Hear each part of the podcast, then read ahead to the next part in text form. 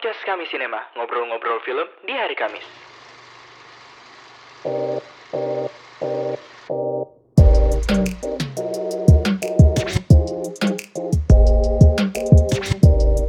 Check, check it, Five, four, it, check it out. two, Check, one. check it. Selamat pagi, selamat siang, selamat sore, dan selamat malam untuk teman-teman yang sedang mendengarkan podcast kami, podcast kami Sinema. Selamat datang di episode ke-6 di mana kita akan membahas, mengulas, dan memprediksi nominasi dan pemenang perayaan Academy Award ke-93 di sirkuit penghargaan.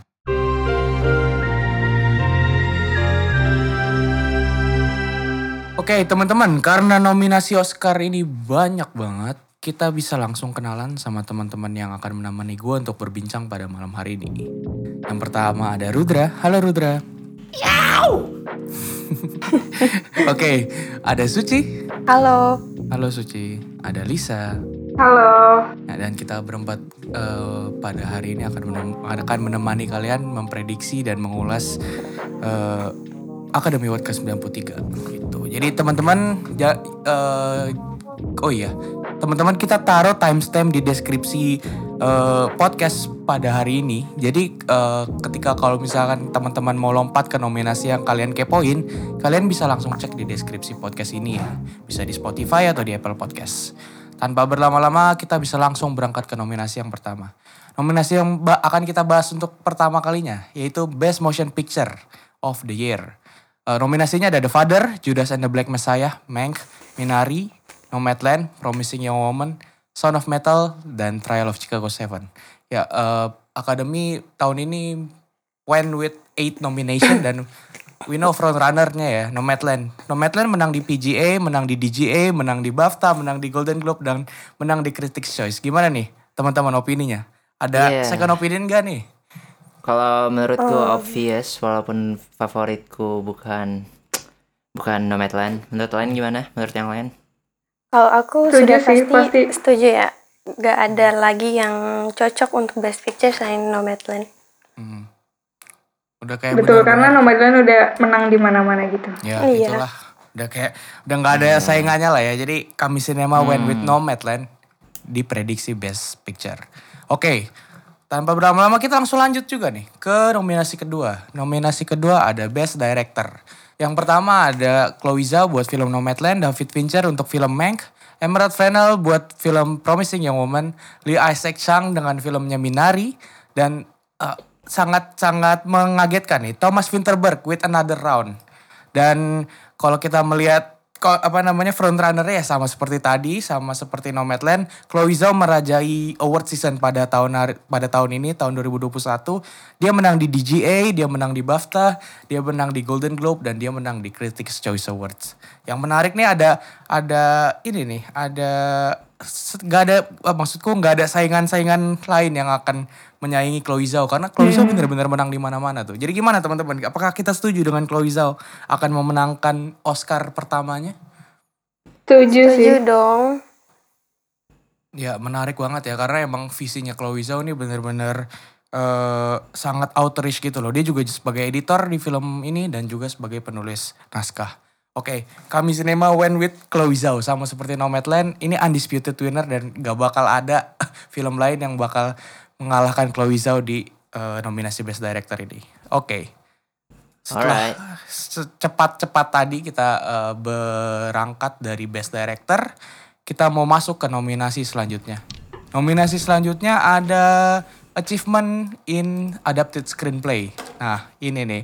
Nominasinya ada Borat Subsequent Movie Film, Delivery of Prodigious Bribe to American Regime for, for ma- Make Benefit Once Glorious Nation of Kazakhstan dengan penulis screenplaynya ada 9 orang. Kemudian ada The Father, ada Nomadland lagi, penulisnya Chloe Zhao, One Night in Miami, penulisnya Cam Powers, dan White Tigers. Yang sangat mengejutkan tiba-tiba hadir ada di sini, The White Tigers. Ya seperti tadi kita ngomongin masalah frontrunnernya, frontrunnernya sama seperti director dan best picture, Nomadland. Dia Nomadland menang di Critics' Choice Award, tapi The Father menang di BAFTA, dan Borat Subsequent Movie Film menang di Writers Guild Award. Nih ada ada saingan-saingannya nih Nomadland. Kira-kira gimana teman-teman nih? Ada opini kedua nggak nih? Yang lain? Gue panjang nih. Kayaknya masih tetap dipegang Nomadland deh. Mhm. Iya Dan, setuju. iya, kayaknya- Tetap Nomadland. Dan eh Nomadland menang di Critics' Choice Award yang kayak body of votersnya itu lebih banyak gitu loh dibanding Golden Globe dan BAFTA yang cuma sedikit-sedikit. Dan kita rasa ya kami sinema win with Nomadland untuk Oscar ketiganya di malam nanti, malam Oscar nanti di Best Adapted Screenplay. Oke teman-teman, setelah kita memprediksi eh, Oscar ketiga di malam nanti untuk Nomadland, kita berangkat ke nominasi selanjutnya Best Original Screenplay. Nominasinya ada Judas and the Black Messiah, ada Minari, ada Promising Young Woman, ada Sound of Metal, dan ada Trial of Chicago Seven. Nah ini nih ketika Oscar gets tricky karena ada beberapa contender yang eh, ada horse race-nya gitu, ada balapan-balapan. Kayak Trial of Chicago Seven dia menang di Golden Globe, Promising Young Woman dia menang di Writers Guild Award, yang ka- mengagetkannya mengalahkan Trial of Chicago Seven dan dia menang juga di BAFTA dan Critics Choice Award. Ya, s- gimana nih teman-teman? Eh, da- antara dua horse race ini Trial of Chicago Seven sama Promising Young Woman nih, kira-kira siapa yang bakal jadi juara nih buat malam Oscar nanti? Kayaknya kalau Promising Young Woman sih. Iya sama aku promising young woman juga sih. Tapi kenapa kenapa nggak trial? Maksudnya emang hype mereka nggak jauh beda ya mungkin dan mereka sama kuat. Tapi menurut gua tuh karena emang eh untuk penulisan lah Aaron tuh kayak lebih kuat. Sementara Promising Young Woman itu lebih ke cerita menarik, ngerti gak sih? Iya, Iya Jadi betul-betul. Iya sih memang eh, memang ah, gini, Trial of Chicago Seven tuh film script banget dan Promising Young Woman tuh script bangetnya tuh lebih ke konsep dan cerita ya gitu. iya, Keseruan iya. ceritanya. Gue setuju sih kayak eh, stylish banget gak sih yang Iya. Trial of Chicago Seven tuh sedangkan kayak Promising Young Man tuh bisa ditulis sama siapa aja gitu loh kalau Right, Trial of right, right, Chicago right, right. Seven kan yang tipikal Sorkin Iya. banget Iya. Masalahnya itu ketika eh, di Writers Guild Award gitu loh yang kita sempat prediksi di Golden Globe juga bahwa Aaron Sorkin tuh jagoannya Writers Guild gitu dia bos-bos saya tapi tiba-tiba dia kalah dari Promising Young Woman dan ini menarik gitu ini Iya. jadi poin utamanya kenapa bisa kalah gitu dan apakah ini akan berpengaruh di Oscar atau enggak Iya. gimana nih jadi teman-teman Iya. Tapi personally I have to admit uh, Promising Young Woman lebih flawless daripada Trial of Chicago. Hmm, Walaupun uh, kayak apa ya, gue kalau nonton Trial tuh leb- terasa skripnya yang berpengaruh ke gue. hmm, hmm. iya sih memang Ada beberapa sih yang Trial yang gue sih suka. ya yang Mm. semua orang pinter gitu dengan quick witty dialognya. Nah, Tapi nah, menurut nah, itu itu itu yang gue gak suka. Oh gitu, lo yang gak Dari suka itu trial ya. Mhm. Padahal stylist Sorkin gitu ya. Jadi gimana nih kita harus menyimpulkan sebagai kami sinema kita harus menyimpulkan satu film yang akan membawa piala. Kira-kira siapa nih? Promising atau Trial? Ya ini tie nih antara lu sama gue dan Suci dan Lisa gimana ya? Gimana nih? Agak membingungkan juga soalnya. Kayak karena emang Promising tuh lagi dapet hype-nya gitu loh, lagi on the hype train. Hmm, betul betul. ketika mereka menang Writers Guild Iya. Award tuh menang di atas Hmm. Trial of Chicago Seven tadinya Trial of Chicago Seven tuh diprediksi bakal menang Best Picture eh taunya kalah sama Promising Young Woman terus kayak itu lock gitu loh buat Nomadland Iya. ah udahlah ini Best Picture pasti Nomadland nah masalahnya di penulisan naskah ini kita harus setuju nih gimana Karena gue feminis, gue eh, memberikan keputusan kepada Lisa atau Suci. oke kalian tentukan Kayaknya menurut aku ya? Promising sih yang menang. Iya, dia Oke, tetap ngikutin banget, feeling Ayo. ya. Iya sih. Ya sih gue juga setuju sih kayak Promising Young Woman dan kita Apalagi prediksi kita prediksi bahwa Promising Young Woman akan mengambil the Oscar pada malam nanti dan ini akan me- menarik juga gitu untuk Emrat Fennel di film pertamanya di tahun pertamanya menjadi director dan jadi writer dan Penulis juga. kalau misalkan dia bisa menang dapat Oscar eh, di atas two times Academy Award winner writer Aaron Sorkin ini akan menjadi menarik gitu. Oke, setelah tadi eh, pergunjingan yang menarik di original screenplay, kita sekarang masuk ke ranah best actor ini. Di eh, yang tadinya sempat eh, menjadi eh, dominasi yang bakal satu one horse race gitu, bakal dimenangi oleh satu orang, tapi ketika ada eh, pemenang yang berbeda di BAFTA ini jadi menarik gitu loh. Ini Jadi eh, nominasinya ada Riz Ahmed di Son of Metal, ada Chadwick Boseman di Ma Rainey's Black Bottom, ada Anthony Hopkins di The Father, ada Gary Oldman di Mank dan Stephen Yeun di Minari. Nih eh, gimana nih? Karena emang frontrunnernya kan kita lihat dari awal ya, dari awal banget Chadwick Boseman bakal kayak wah menang menang menang menang menang di mana-mana nih. Iya. Tapi tiba-tiba eh, Anthony Hopkins tuh menang di BAFTA dan hype-nya tuh lagi hype-nya tuh lagi lagi bener-bener The Father gitu loh karena The Father kan rilisnya telat banget ya. Terus kemudian ketika The Father rilis Anthony Hopkins jadi tiba-tiba naik lagi namanya di sosial media dan ini menjadi pertanyaan apakah Anthony Hopkins benar-benar akan masuk ke race horse-nya bersama Chadwick Boseman one on one neck on neck gitu atau apa Anthony Hopkins karena orang Inggris aja jadi dia menang BAFTA nih. Menurut kalian gimana nih? Gue personally Anthony tapi eh, most likely Chadwick ya. Iya, kayaknya tetap Chadwick deh. Walaupun ya Anthony menampilkan performa terbaiknya, tapi tetap menurut aku Chadwick Boseman. Selain itu isu-isu yang dibawa di filmnya juga lagi hype-hype kan tentang Mhm, orang mhm. mm, kulit hitam gitu. Lisa gimana nih menurut Lisa nih? Setuju sih soalnya karena emang dari awal udah digebu-gebu bakal Boseman yang menang dan sebagai penghargaan penghormatan dia walaupun ya memang di BAFTA secara acting masih dikalahkan sama Anthony Hopkins gitu. Jadi kami Cinema went with posthumous Oscar untuk Chadwick Boseman ya. Teman-teman semua setuju kan? Setuju, Ya, setuju. setuju. Oke. Dengan berat hati berarti- kalau gue. Hmm, emang Anthony Hopkins datangnya cuma buat geli-geli doang lah ya. Emang Chadwick Boseman nih bakal menang Oscar untuk terakhir kalinya. Oke, eh, dari pergunjingan tadi kita berangkat lagi nih dari Best Actor ke Best Supporting Actor. Eh, sepertinya ini sedikit lebih straightforward gitu ya. Nominasinya ada Sacha Baron Cohen di Trial of Chicago 7, ada Daniel Kaluuya di Judas and the Black Messiah, ada Leslie Adam Jr. di One Night in Miami, ada Paul Raci di Son of Metal, Raci. ada ada Lakeith Stanfield di Judas and the Black Messiah dan ini sangat membingungkan gitu loh karena ada Daniel Kaluuya dan Lakeith Stanfield yang dua-duanya didominasikan untuk Best Supporting Actor. Jadi ini di Judas and the Black Messiah ini siapa gitu ya? Bukannya jelas-jelas Eh, itu ya leadnya si. Le- Lekith kan? Iya, karena memang sistemnya gini, Ruth. Sistemnya tuh eh, orang bebas menentukan siapa yang jadi supporting, siapa yang jadi eh, itu, siapa yang jadi best aktor ya. Nah, ini ag- agak membingungkan juga sih memang karena Lakeith Stanfield eh, tiba-tiba ada di sini, terus Daniel Kaluuya juga ada di sini. Jadi sebenarnya best aktor leading aktor di film ini siapa sih? Gitu gue jadi bingung juga gitu. Tapi secara eh, prediksi award gitu, yang Daniel. front runner ya jelas lah eh, Daniel Kaluuya di Ju- Judas and the Black Messiah dia menang SAG, dia menang BAFTA, dia menang Golden Globe dan dia menang Critics Choice dan kayak kayak undisputed lah ya. Kira-kira menurut kalian gimana nih? Setuju sih Iya. kalau Daniel Kaluuya. Eh, ya walaupun Lekith favorit gue di sini. Menurut gue Lekith bener outperform Daniel Kaluuya.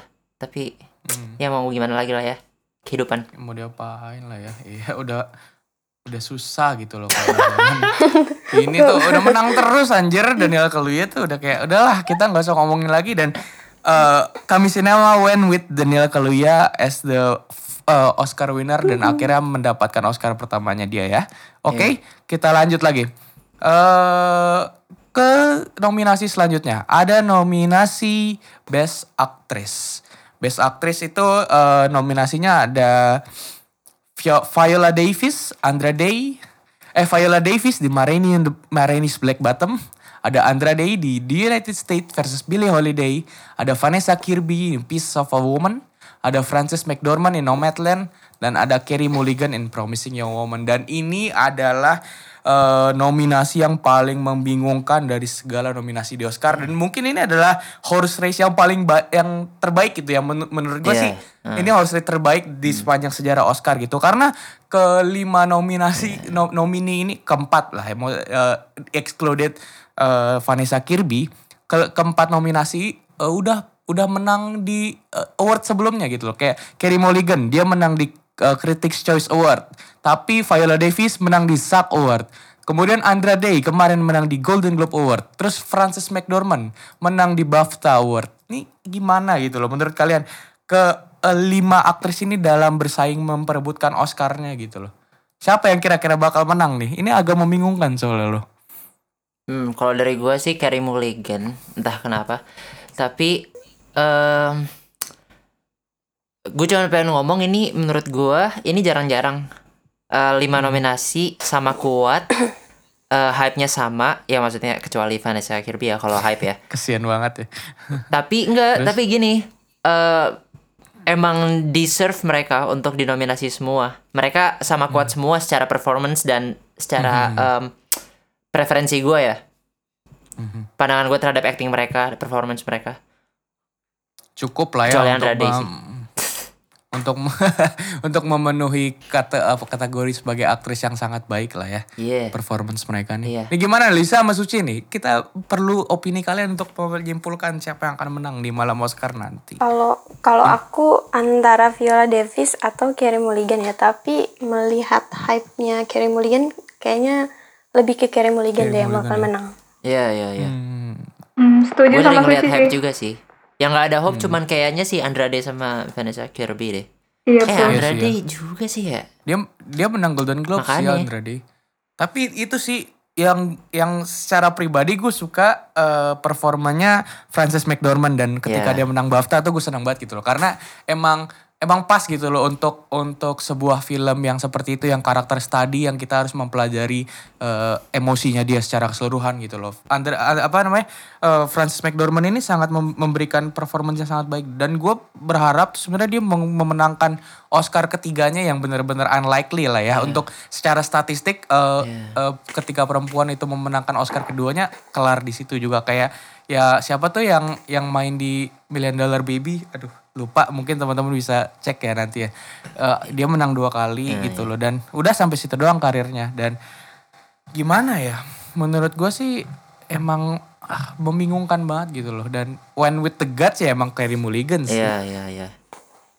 Maksud eh, dan dan Oscar tuh maksudnya setiap award season tuh pasti ada kayak satu kategori yang mengagetkan kan. Jadi menurut gue bisa eh, most likely terjadi di kategori ini sih. Hmm, dan kita nggak ada yang tahu ya, coba tahu Vanessa Kirby tiba-tiba menang terus Iya. kayak udahlah biar adil semuanya kita komunis. Siapa kita- tahu Lucky Stanfield ya enggak? tiba-tiba Lucky Stanfield aja. Ya, ya siapa tahu sih ya, mungkin kayak Vanessa Kirby kansnya masih ada kali, mungkin kayak ah kasihan juga dia nggak punya nggak punya piala, udahlah menangin aja. Tapi ya when with the guts ya kita Iya. when with the guts with Iya. Carey Mulligan ya, semua Iya. setuju? Ya, Ya, siap setuju. Setuju. Setuju bang. Karena memang ya seperti tadi sih yang kita bilang bahwa uh, Critics Choice Award kan punya body of voters yang gede ya. Dan Carey Mulligan tuh menang di situ. Hmm. Iya. Nah ini jadi sebuah front runner gitu loh. Iya. Oke, Carey Shout Mulligan out kita lock ya. Sebenarnya kita bisa ngomongin Carey Mulligan ini selama mungkin apa best actress ini selama mungkin gitu loh karena emang banyak banget kemungkinan tapi ya udahlah ya kita went with Carey Mulligan di best actress.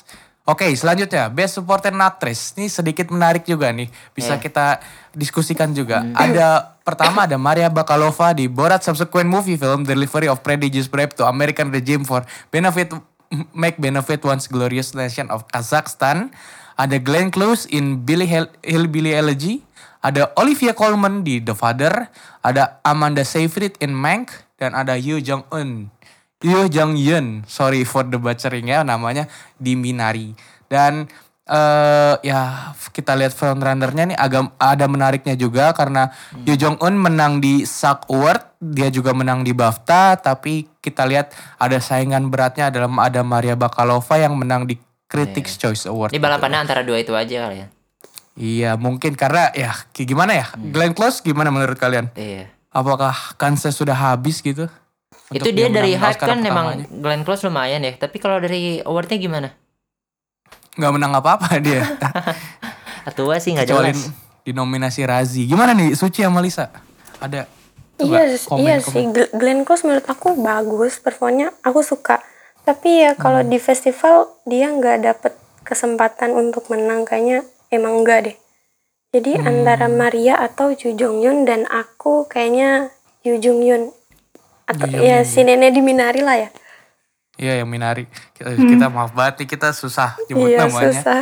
Kita orang Jawa, orang Sunda, kita nggak ngerti. lah. Yuh, Yun Yoh Jeng tulisannya dicetak Yuh Jeng Jung Yun. Yuh Gitu. Jung Yon. Terus kalau Lisa menurut Lisa apa? gimana nih? Kayak Lisa suka banget kayak sama Maria Bakalova deh dari Golden Globe kemarin. Menurut kamu gimana Lis? secara pribadi emang suka sama Maria Bakalova karena Maria Bakalova dan Glenn Close karena emang kayak apa performersnya di film itu kayak bener-bener pol-polan gitu sebagai aktris. Tapi emang kemarin ngeliat di BAFTA dan saat itu Yu Jong Yu Jung Yeon yang menang jadi kayaknya bakal dia lagi sih yang menang buat di Oscar ini. Iya gitu sih ya. Gimana ya Olivia Colman dan Amanda Seyfried kayaknya udah mati gitu kan saya dan kayaknya masalah eh eh Glenn Close ini loh yang sayang banget. Ket- Jadi kalau misalkan Glenn Close gagal menang lagi di malam Oscar nanti dia akan seri dengan Peter O'Toole dalam eh, aktris terbanyak yang mendapatkan nominasi Oscar dengan 8 nominasi tanpa memenangkan satu piala Oscar sekalipun. Dan ya sorry to say kayaknya Glenn Close bukan tahunnya lah ya. Dan kami sinema memproduksi eh, memproduksi Memprediksi. memprediksi. Kayak ya ya Jong Yun Yuh. dari Minyari untuk memenangkan Oscar di malam Oscar ke-93 nanti. Oke, kita berangkat lagi ya ke Lanjut. achievement in cinematography. Kita mulai ke ranah-ranah yang lebih teknis lah, yang lebih eh ya gitulah teknis lah ya. Nominasinya ada Judas and the Black Messiah, ada Sean Bobbitt, eh, sinematografernya, Mank, ada Eric Messerschmidt, ada News of the World, Darius Wolski, ada Nomadland, ada Joshua James Richards, dan ada The Trial of Chicago Seven yang gue se- sedikit bingung kenapa ada di sini. Viden Papa Michael dan eh, dari frontrunnernya ya Iya, seperti kita jelas. tahu lah ya. Heeh. Nomadland untuk Oscar keempatnya dia menang eh, maksudnya untuk prediksi Oscar keempatnya dia menang BAFTA dan menang Critics Choice Awards dan yang lainnya belum ada yang menang apa-apa gitu. Ya menurut kalian gimana nih? Apa kita setuju lagi Nomadland bakal menang di award ini? Ya gue Ya, sih setuju dukung dari fakta dong. aja sih ya. Iya, nomad dan udah pasti menang. Kayak iya sih karena emang lensanya wide gitu kan yang tipikal kayak handheld handheld gitu Iya. dan kayak ma- A7S. kira film kampus aja ya. Iya. A7S. Ya, intinya gitulah ya yang yang menggunakan natural lighting yang kayak eh eh gitulah ya indah-indah gitu. Dan udah Iya, pokoknya udah jadi kayak indah. win package-nya Nomadland gitu kan. Mhm, yang tipikal-tipikal siapa namanya itu Terence Malik lah ya yang Iya. white-white gitu. Ini Dan dua-duanya sih dia track recordnya bagus, udah menang bahkan udah menang guild itunya kan, guild sinematografinya kan oh ya. belum belum eh, s- eh, untuk teman-teman yang belum tahu ini ketika kita merekord eh, podcast ini Guild sinematografinya belum ada keluar pemenangnya siapa. Sotoy banget gue dah. Tapi masuk ke nominasi kok. Iya so tahu emang. Oke. ASC belum belum mem- mem- mempublikasi siapa menangnya Berarti tapi ya ASC itu apa Ya, siapa tahu menang kan? ICS ICS. Kayak nama sekolah swasta yang isinya bocah-bocah bocah-bocah bocah-bocah DPR deh. Apaan tuh? Bocah-bocah. DPR. Iya. Yang bapaknya korup semua. Anjir. Udah lah kita jangan gitu lah. Udah lah ya. Iya. Oke. Thank you banget nih. Kita tahu anak nih. SC gue. Eh, Oke lah, ini Nomadland kita setuju untuk untuk memenangkan Oscar keempatnya di malam Oscar nanti dan ya kita with the statistik Nomadland dengan menang menang apa namanya menang penghargaan sinematografi terbanyak di BAFTA Iya. dan Critics Choice Award gitu. Dan, dan bracket paling sedikit paling asik juga sinematografinya. Oke, Iya. lanjut. Sedikit fun fact aja sih. Sebenarnya ini sinematografernya Nomadland itu suaminya Chloe Zhao gitu loh. Jadi kayak al gemai. Oh, Gemai gitu loh. Iya. Dah, oke. Bekerja kita lanjut. bersama.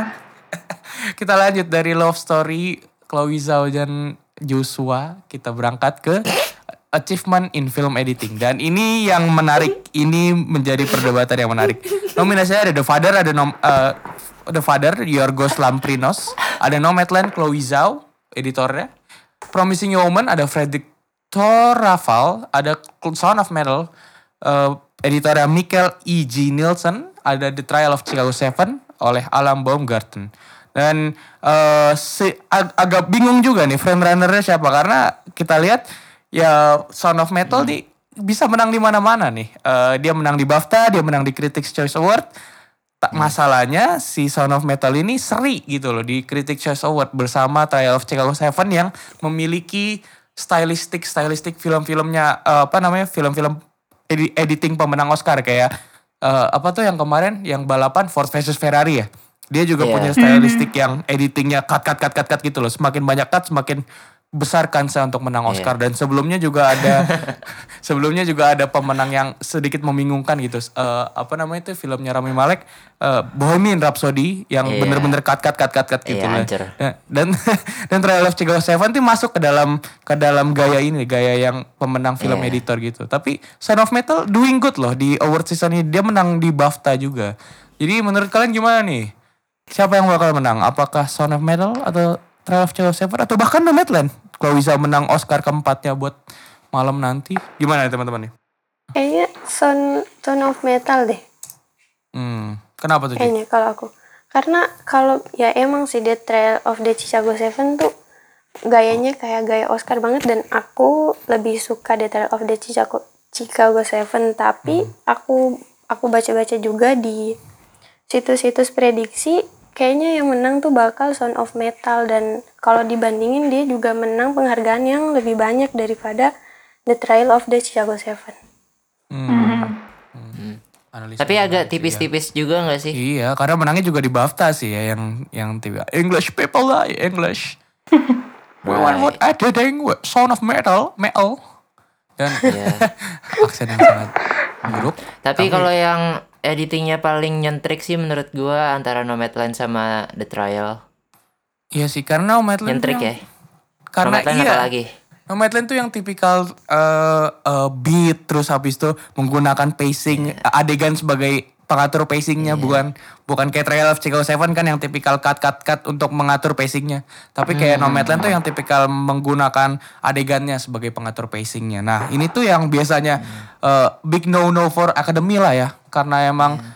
editing kalau menurut mereka tuh kayak semakin banyak editing semakin semakin bakal menang gitu loh dalam Iya. kans menangnya semakin besar tapi ya Sound of Metal gitu dia punya editing yang tipikal eh, action reaction action reaction gitu loh jadi ketika Iya, ada sesuatu di cut gitu ke ke reaction Iya. aktor aktornya dan ini Iya. digunakan secara baik untuk men storytellingnya dalam Sound of Metal secara pribadi gue suka sih karena Iya. dialognya kan juga sedikit ya Sound of Metal tuh nggak banyak Iya, banget gitu dan dia mem- menggunakan action reaction itu dengan sangat baik gitu Sound of Metal menurut lu gimana Ruth? Tadi Suci sama Lisa gua- when with Sound of Metal nih Menurut gua bukan Iya, dikit Metal. dialognya sih nggak ada. anjing. Jadi berbicara lewat lewat sinema, iya lewat gambar. Lewat berbicara lewat cutting ya. gambar. Iya. Kami sinema lah ya. eh oke Aduh. Udah oke oke oke oke. oke. Respect lah. gimana nih Rudra lu Sebagai- Eh, aduh ya ya gue menurut aja sih kalau dari fakta emang Sound of Metal tapi personal favorite gue antara Nomadland sama Trial karena itu emang yang Hmm. paling nyentrik. Oke, berarti kami sinema when when with Sound of Metal ya. Kita lock Yep. Answer kita.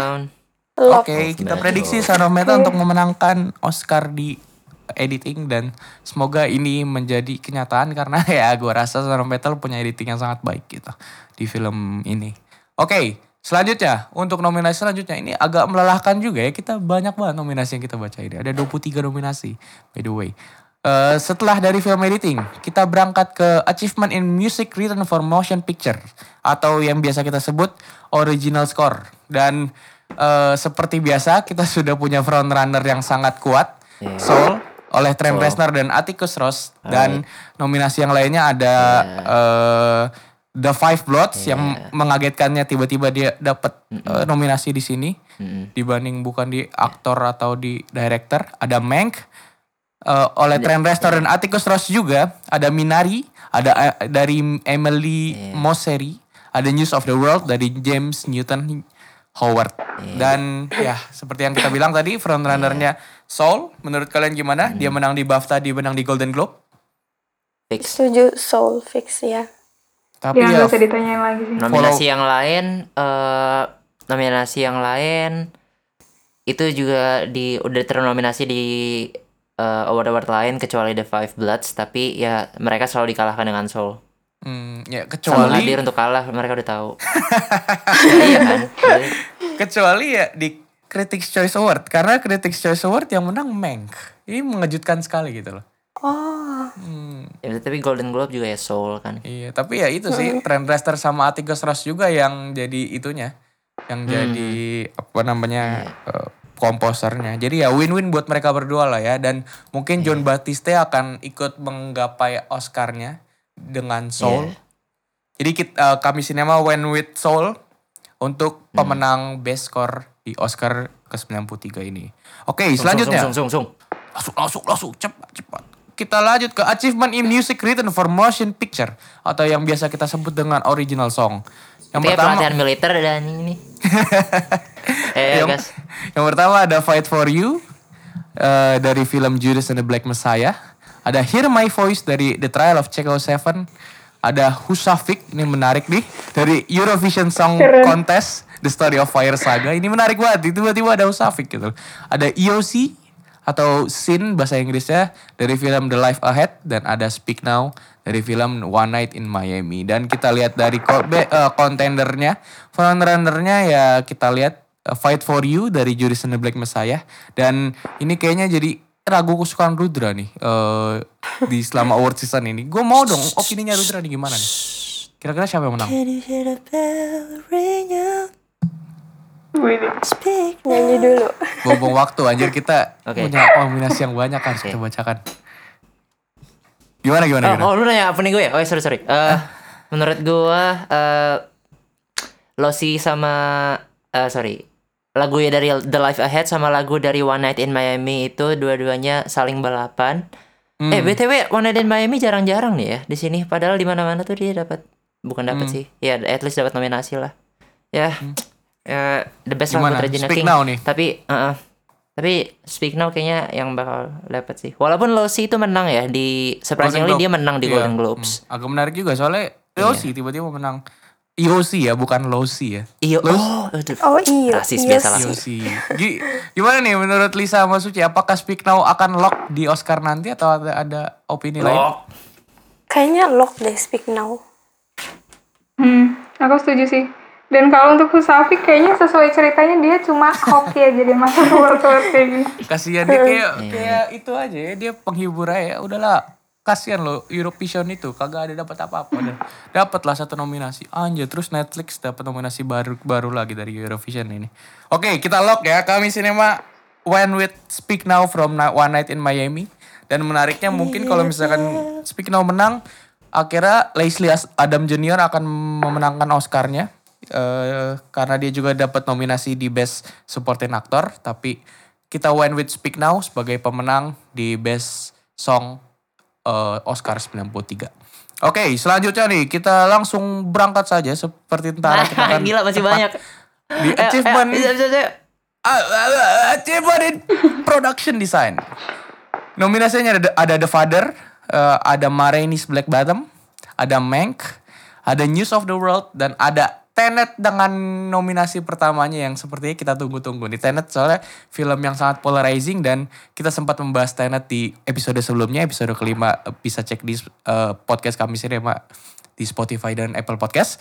Dan by the way, eh, kita mau ngomongin tentang frontrunner di sini. Ada Mank yang menang di guildnya eh, production design ADG. Dia menang juga di BAFTA dan dia juga menang di Critics Choice Award gitu. Dan yang lain-lain belum ada yang menang di nominasi yang lain itu belum ada yang menang di mana-mana kecuali Tenet yang juga menang di guildnya tapi di nominasi yang berbeda dengan Mank gitu. Menurut kalian gimana nih? Apakah lock untuk Mank? Ya. Lock sih. Walaupun secara pribadi tuh lebih suka sama Tenet dan production desainnya The Father karena eh, pernah baca juga production desainnya The Father tuh unik karena hampir 90% setnya itu dilakukan di studio. Jadi kayak keren aja sih gitu. Hah, demi apa? Kayak itu ya. Kayak film kampus apa tuh namanya yang eh, pop pop scene ya? Pop apa scene. Iya, pop scene. Iya, Pak. kampus. Eh, film kampus pop scene menarik juga menggunakan. Dan yang menarik dari Tenet tuh dia katanya sebagian besar filmnya pro- produksi desainnya di luar tuh. di luar apa maksudnya? Di luar ruangan. Oh iya, iya. nggak di studio gitu. yang tipikal Nolan lah ya. Kok gue ngelawak lu gak ngerti sih? Ah udahlah. Jadi Gimana ya? jawabannya Tadi dulu, tadi dulu. Eh, kita perjelas lagi. Kenapa ini? Apa lawakan dia anjir? Teman-teman pasti juga nggak ngerti. Gue yakin. Apa sih lu ngelawak? Apa sih? Ya jelas-jelas di luar. Anyway. iya. Oke. Terima kasih atas jokes ya sebagai Ya pengantar. ya, ya lanjut lah lo kayak lah. Iya, Meng gak agak- sih? Fix gak sih?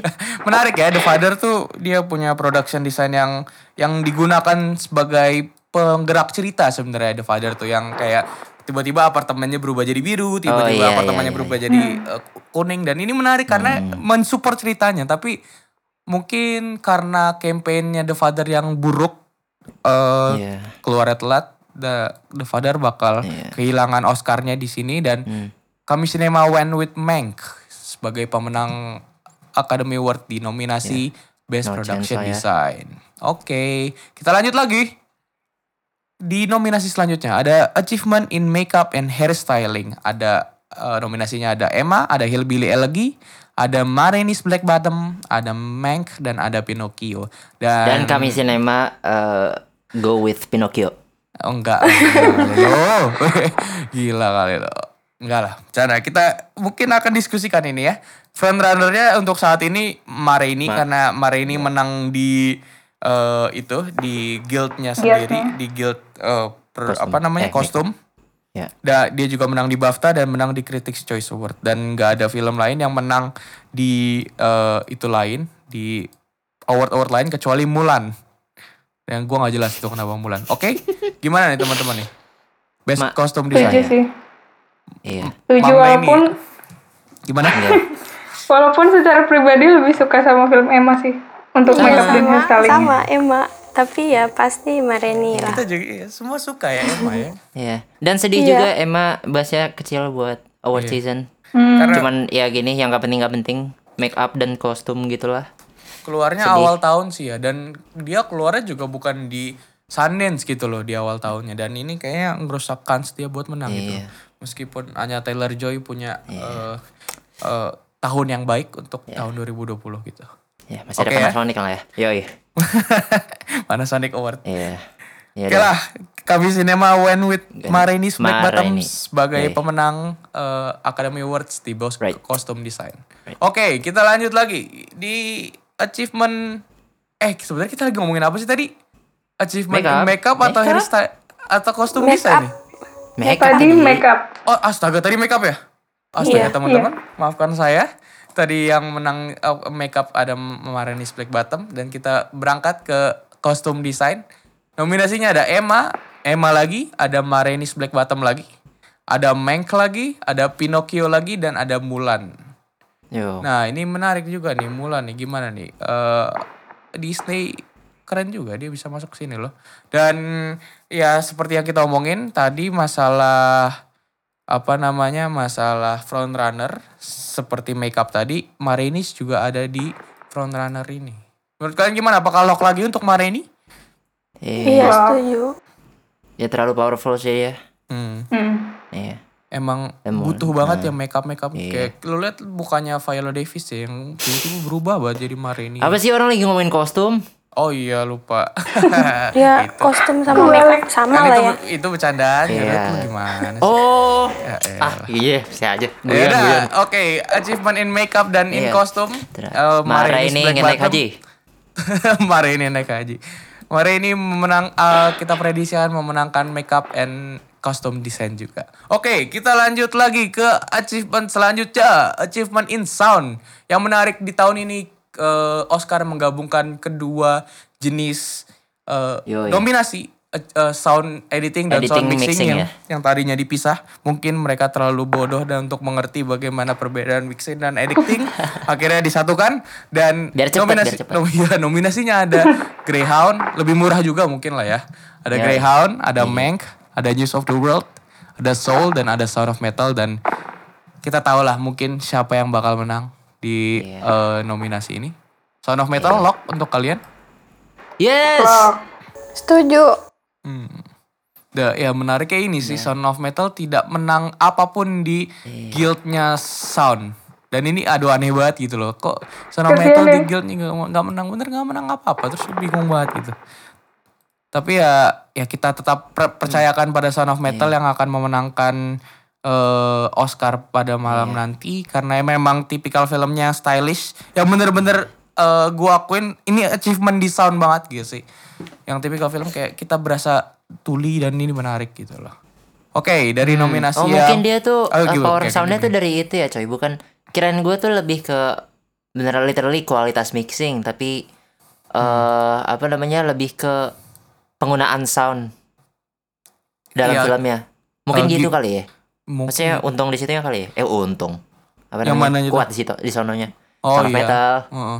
Emang emang gitu sih tapi ya karena emang udah dipisahin kan ya sound mixing sama sound uh, Iya. editing karena emang biasanya tuh sound mixing tuh yang film-film lagu, film-film ada konser-konser kayak kayak kemarin tuh yang Taron Egerton main di mana Rocketman. Itu. Iya. tuh yang tipikal mixing banget terus habis itu Oh, gitu. uh, Bohemian Rhapsody yang yang butuh banget suara penonton di mixing Ford dengan Ferrari suara juga gak sih enggak ya Ford Ferrari kayaknya sound editing deh tuh. Aduh, gua nggak gua nggak mau ngomong apa, gua nggak tahu soalnya lupa iya. gua. oke Nah, itu sekarang digabungin Ya, oke. untuk Ya, oke. tahun ini. Lock lah ya. Oke.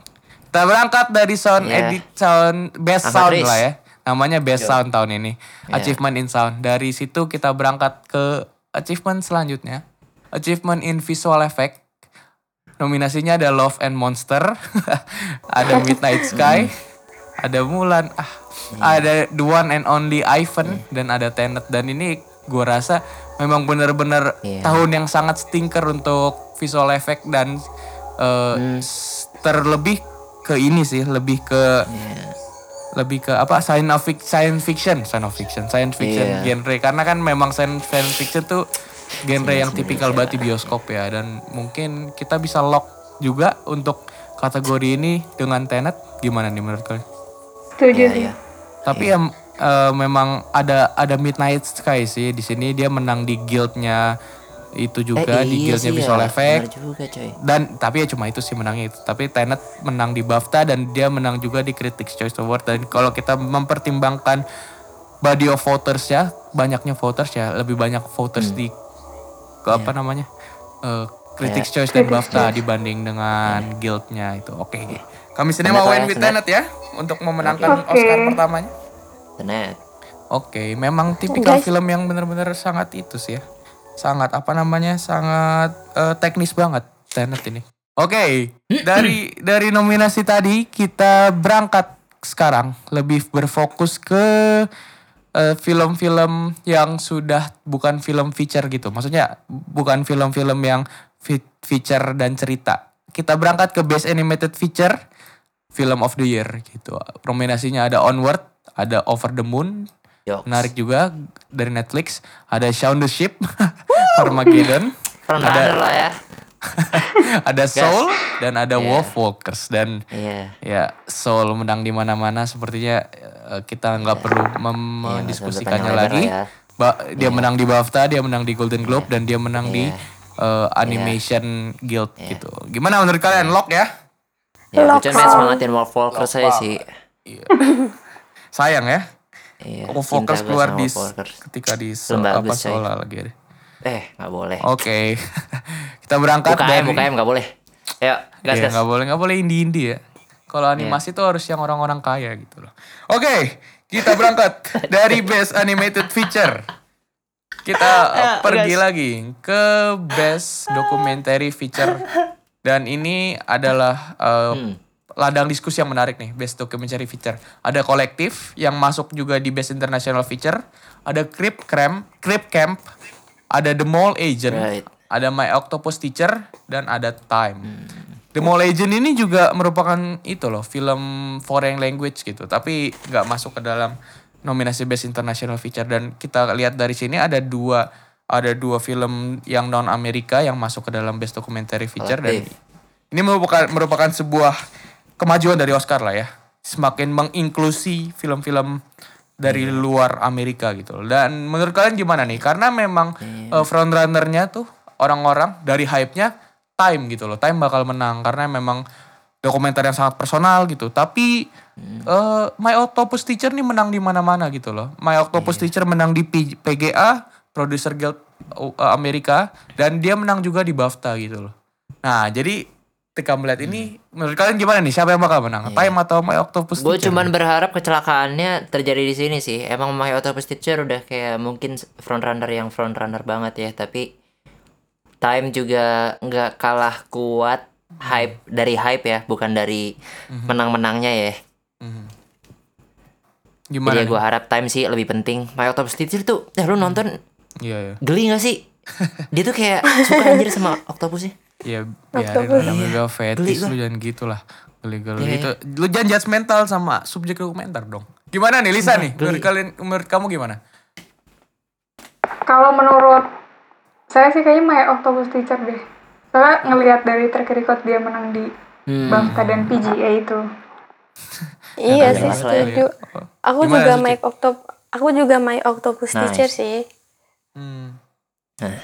Dan kayak disayangin ya, banget iya. ya dokumenter Time gitu tentang struggle uh, Iya. black people di Amerika untuk mengeluarkan orang dari penjara gitu loh. Da- meng- meng- mengurangi uh, apa namanya? do- mengurangi hukuman penjara 60 tahun ke 20 tahun tuh kalah sama Octopus Teacher loh. Iya, orang Bapak- bergairah sama iya. berita ya Allah. Bapak bapak bapak cuma suka sama bayangin Iya. keluarganya gimana sih? Nih bapak-bapak suka sama Octopus. Gila. Ah. Anyway, kita nggak boleh judgmental dan kita Iya. memprediksi, kami sudah memprediksi bahwa My Octopus Teacher akan memenangkan uh, best uh, feature dokumenter di Oscar Iya. ke-93 nanti. Kita- Oke, kita berangkat lagi ke Iya. nominasi Dan selanjutnya. dan kami sinema mendukung bestiality, Diam. tertarikan seksual terhadap binatang. Itu bukan bestiality, itu namanya uh, Apa? fetish, Bro. Bestiality. Bestiality ada namanya. Udah lanjut lanjut. Oh ya gitu ya, saya nggak tahu lah. Kamu yang paling tahu. Oke, kita berangkat ke nominasi selanjutnya yang seperti tadi, kayak nggak perlu banyak diskusi lah ya. Tapi mungkin akan baik gitu, lebih menarik melihat film apa aja yang masuk ke dalam nominasi dibanding melihat film apa yang bakal menang gitu loh. Jadi di sini ada nominasinya ada Another Round dari Denmark, ada Better Days dari Hong Kong yang mengejutkan, ada Kolektif Romania, dia juga masuk ke dalam nominasi Best uh, Documentary Feature. Ada The Man Who Sold His Skin dari Tunisia dan ada Quo Vadis Aida dari Bosnia Herzegovina. Kita lihat ya dari Another Round ya, menjadi frontrunner karena memang Thomas Vinterberg juga menjadi nominasi Best Director di Ya. Oscar tahun ini. Gimana teman-teman? Apakah lock untuk Another Round nih?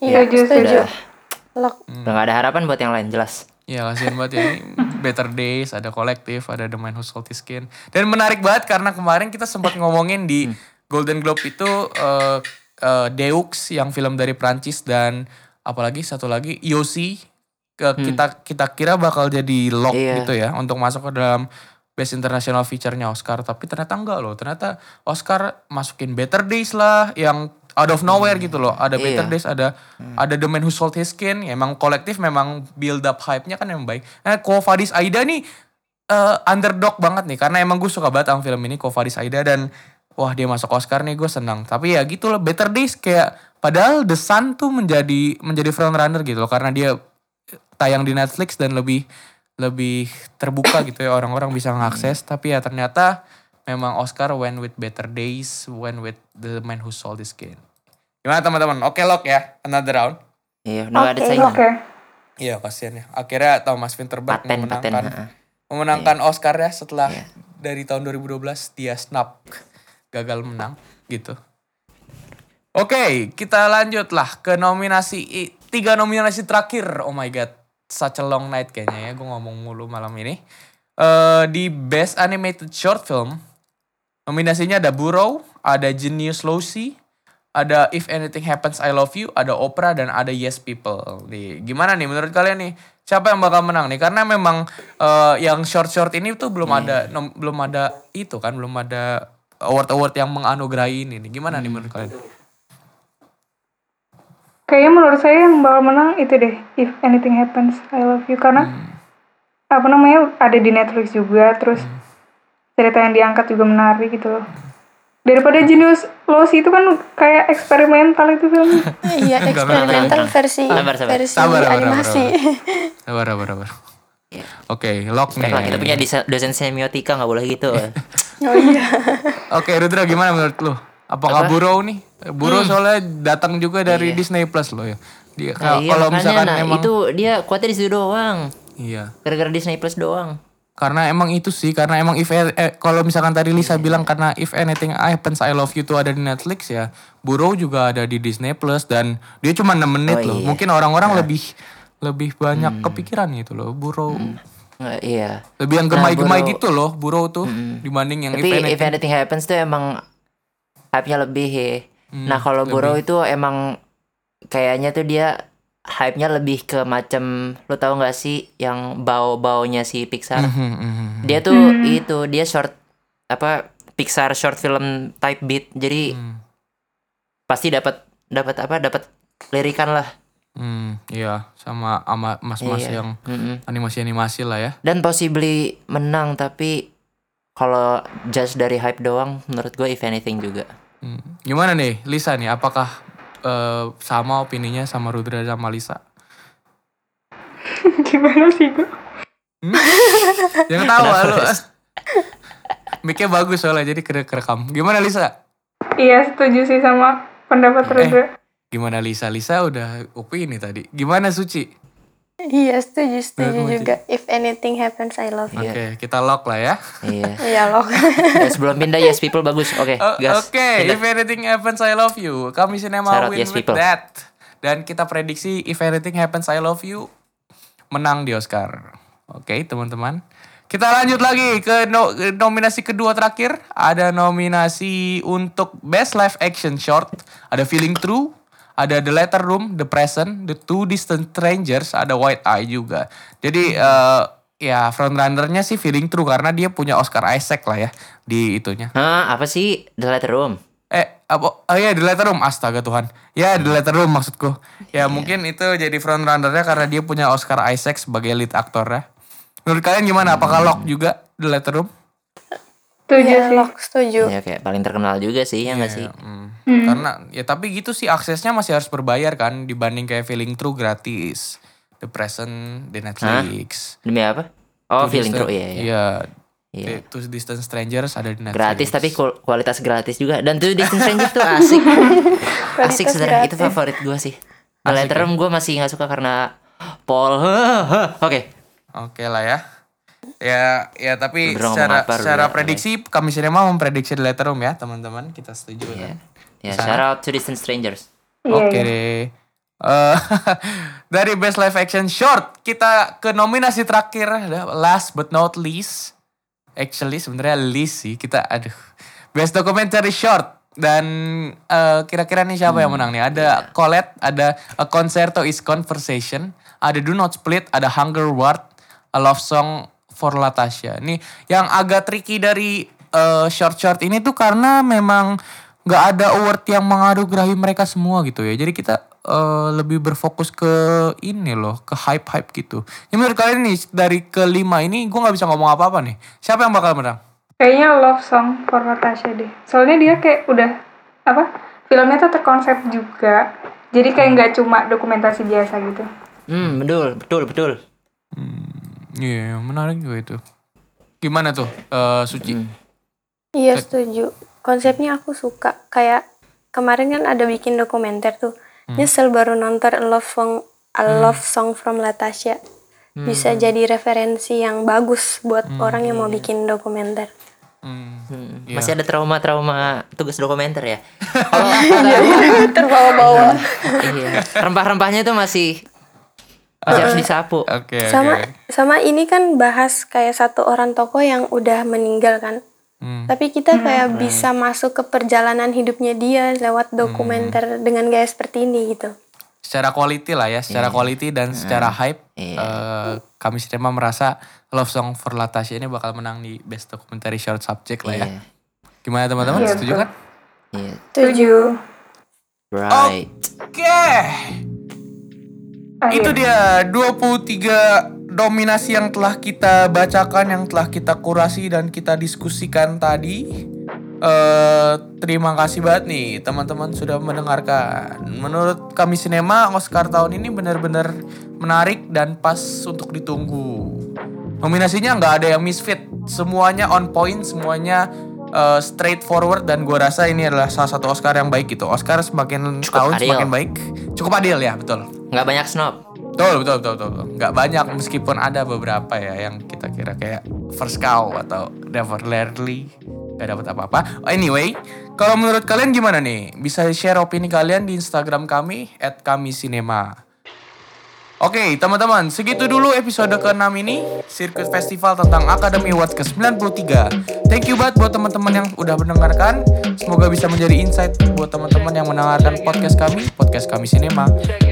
Akhir kata gue Indigo undur diri beserta teman-teman pamit. Sampai jumpa di podcast kami Sinema selanjutnya. Bye bye. Sampai jumpa. Sampai jumpa, shout out to dadah. Not Split.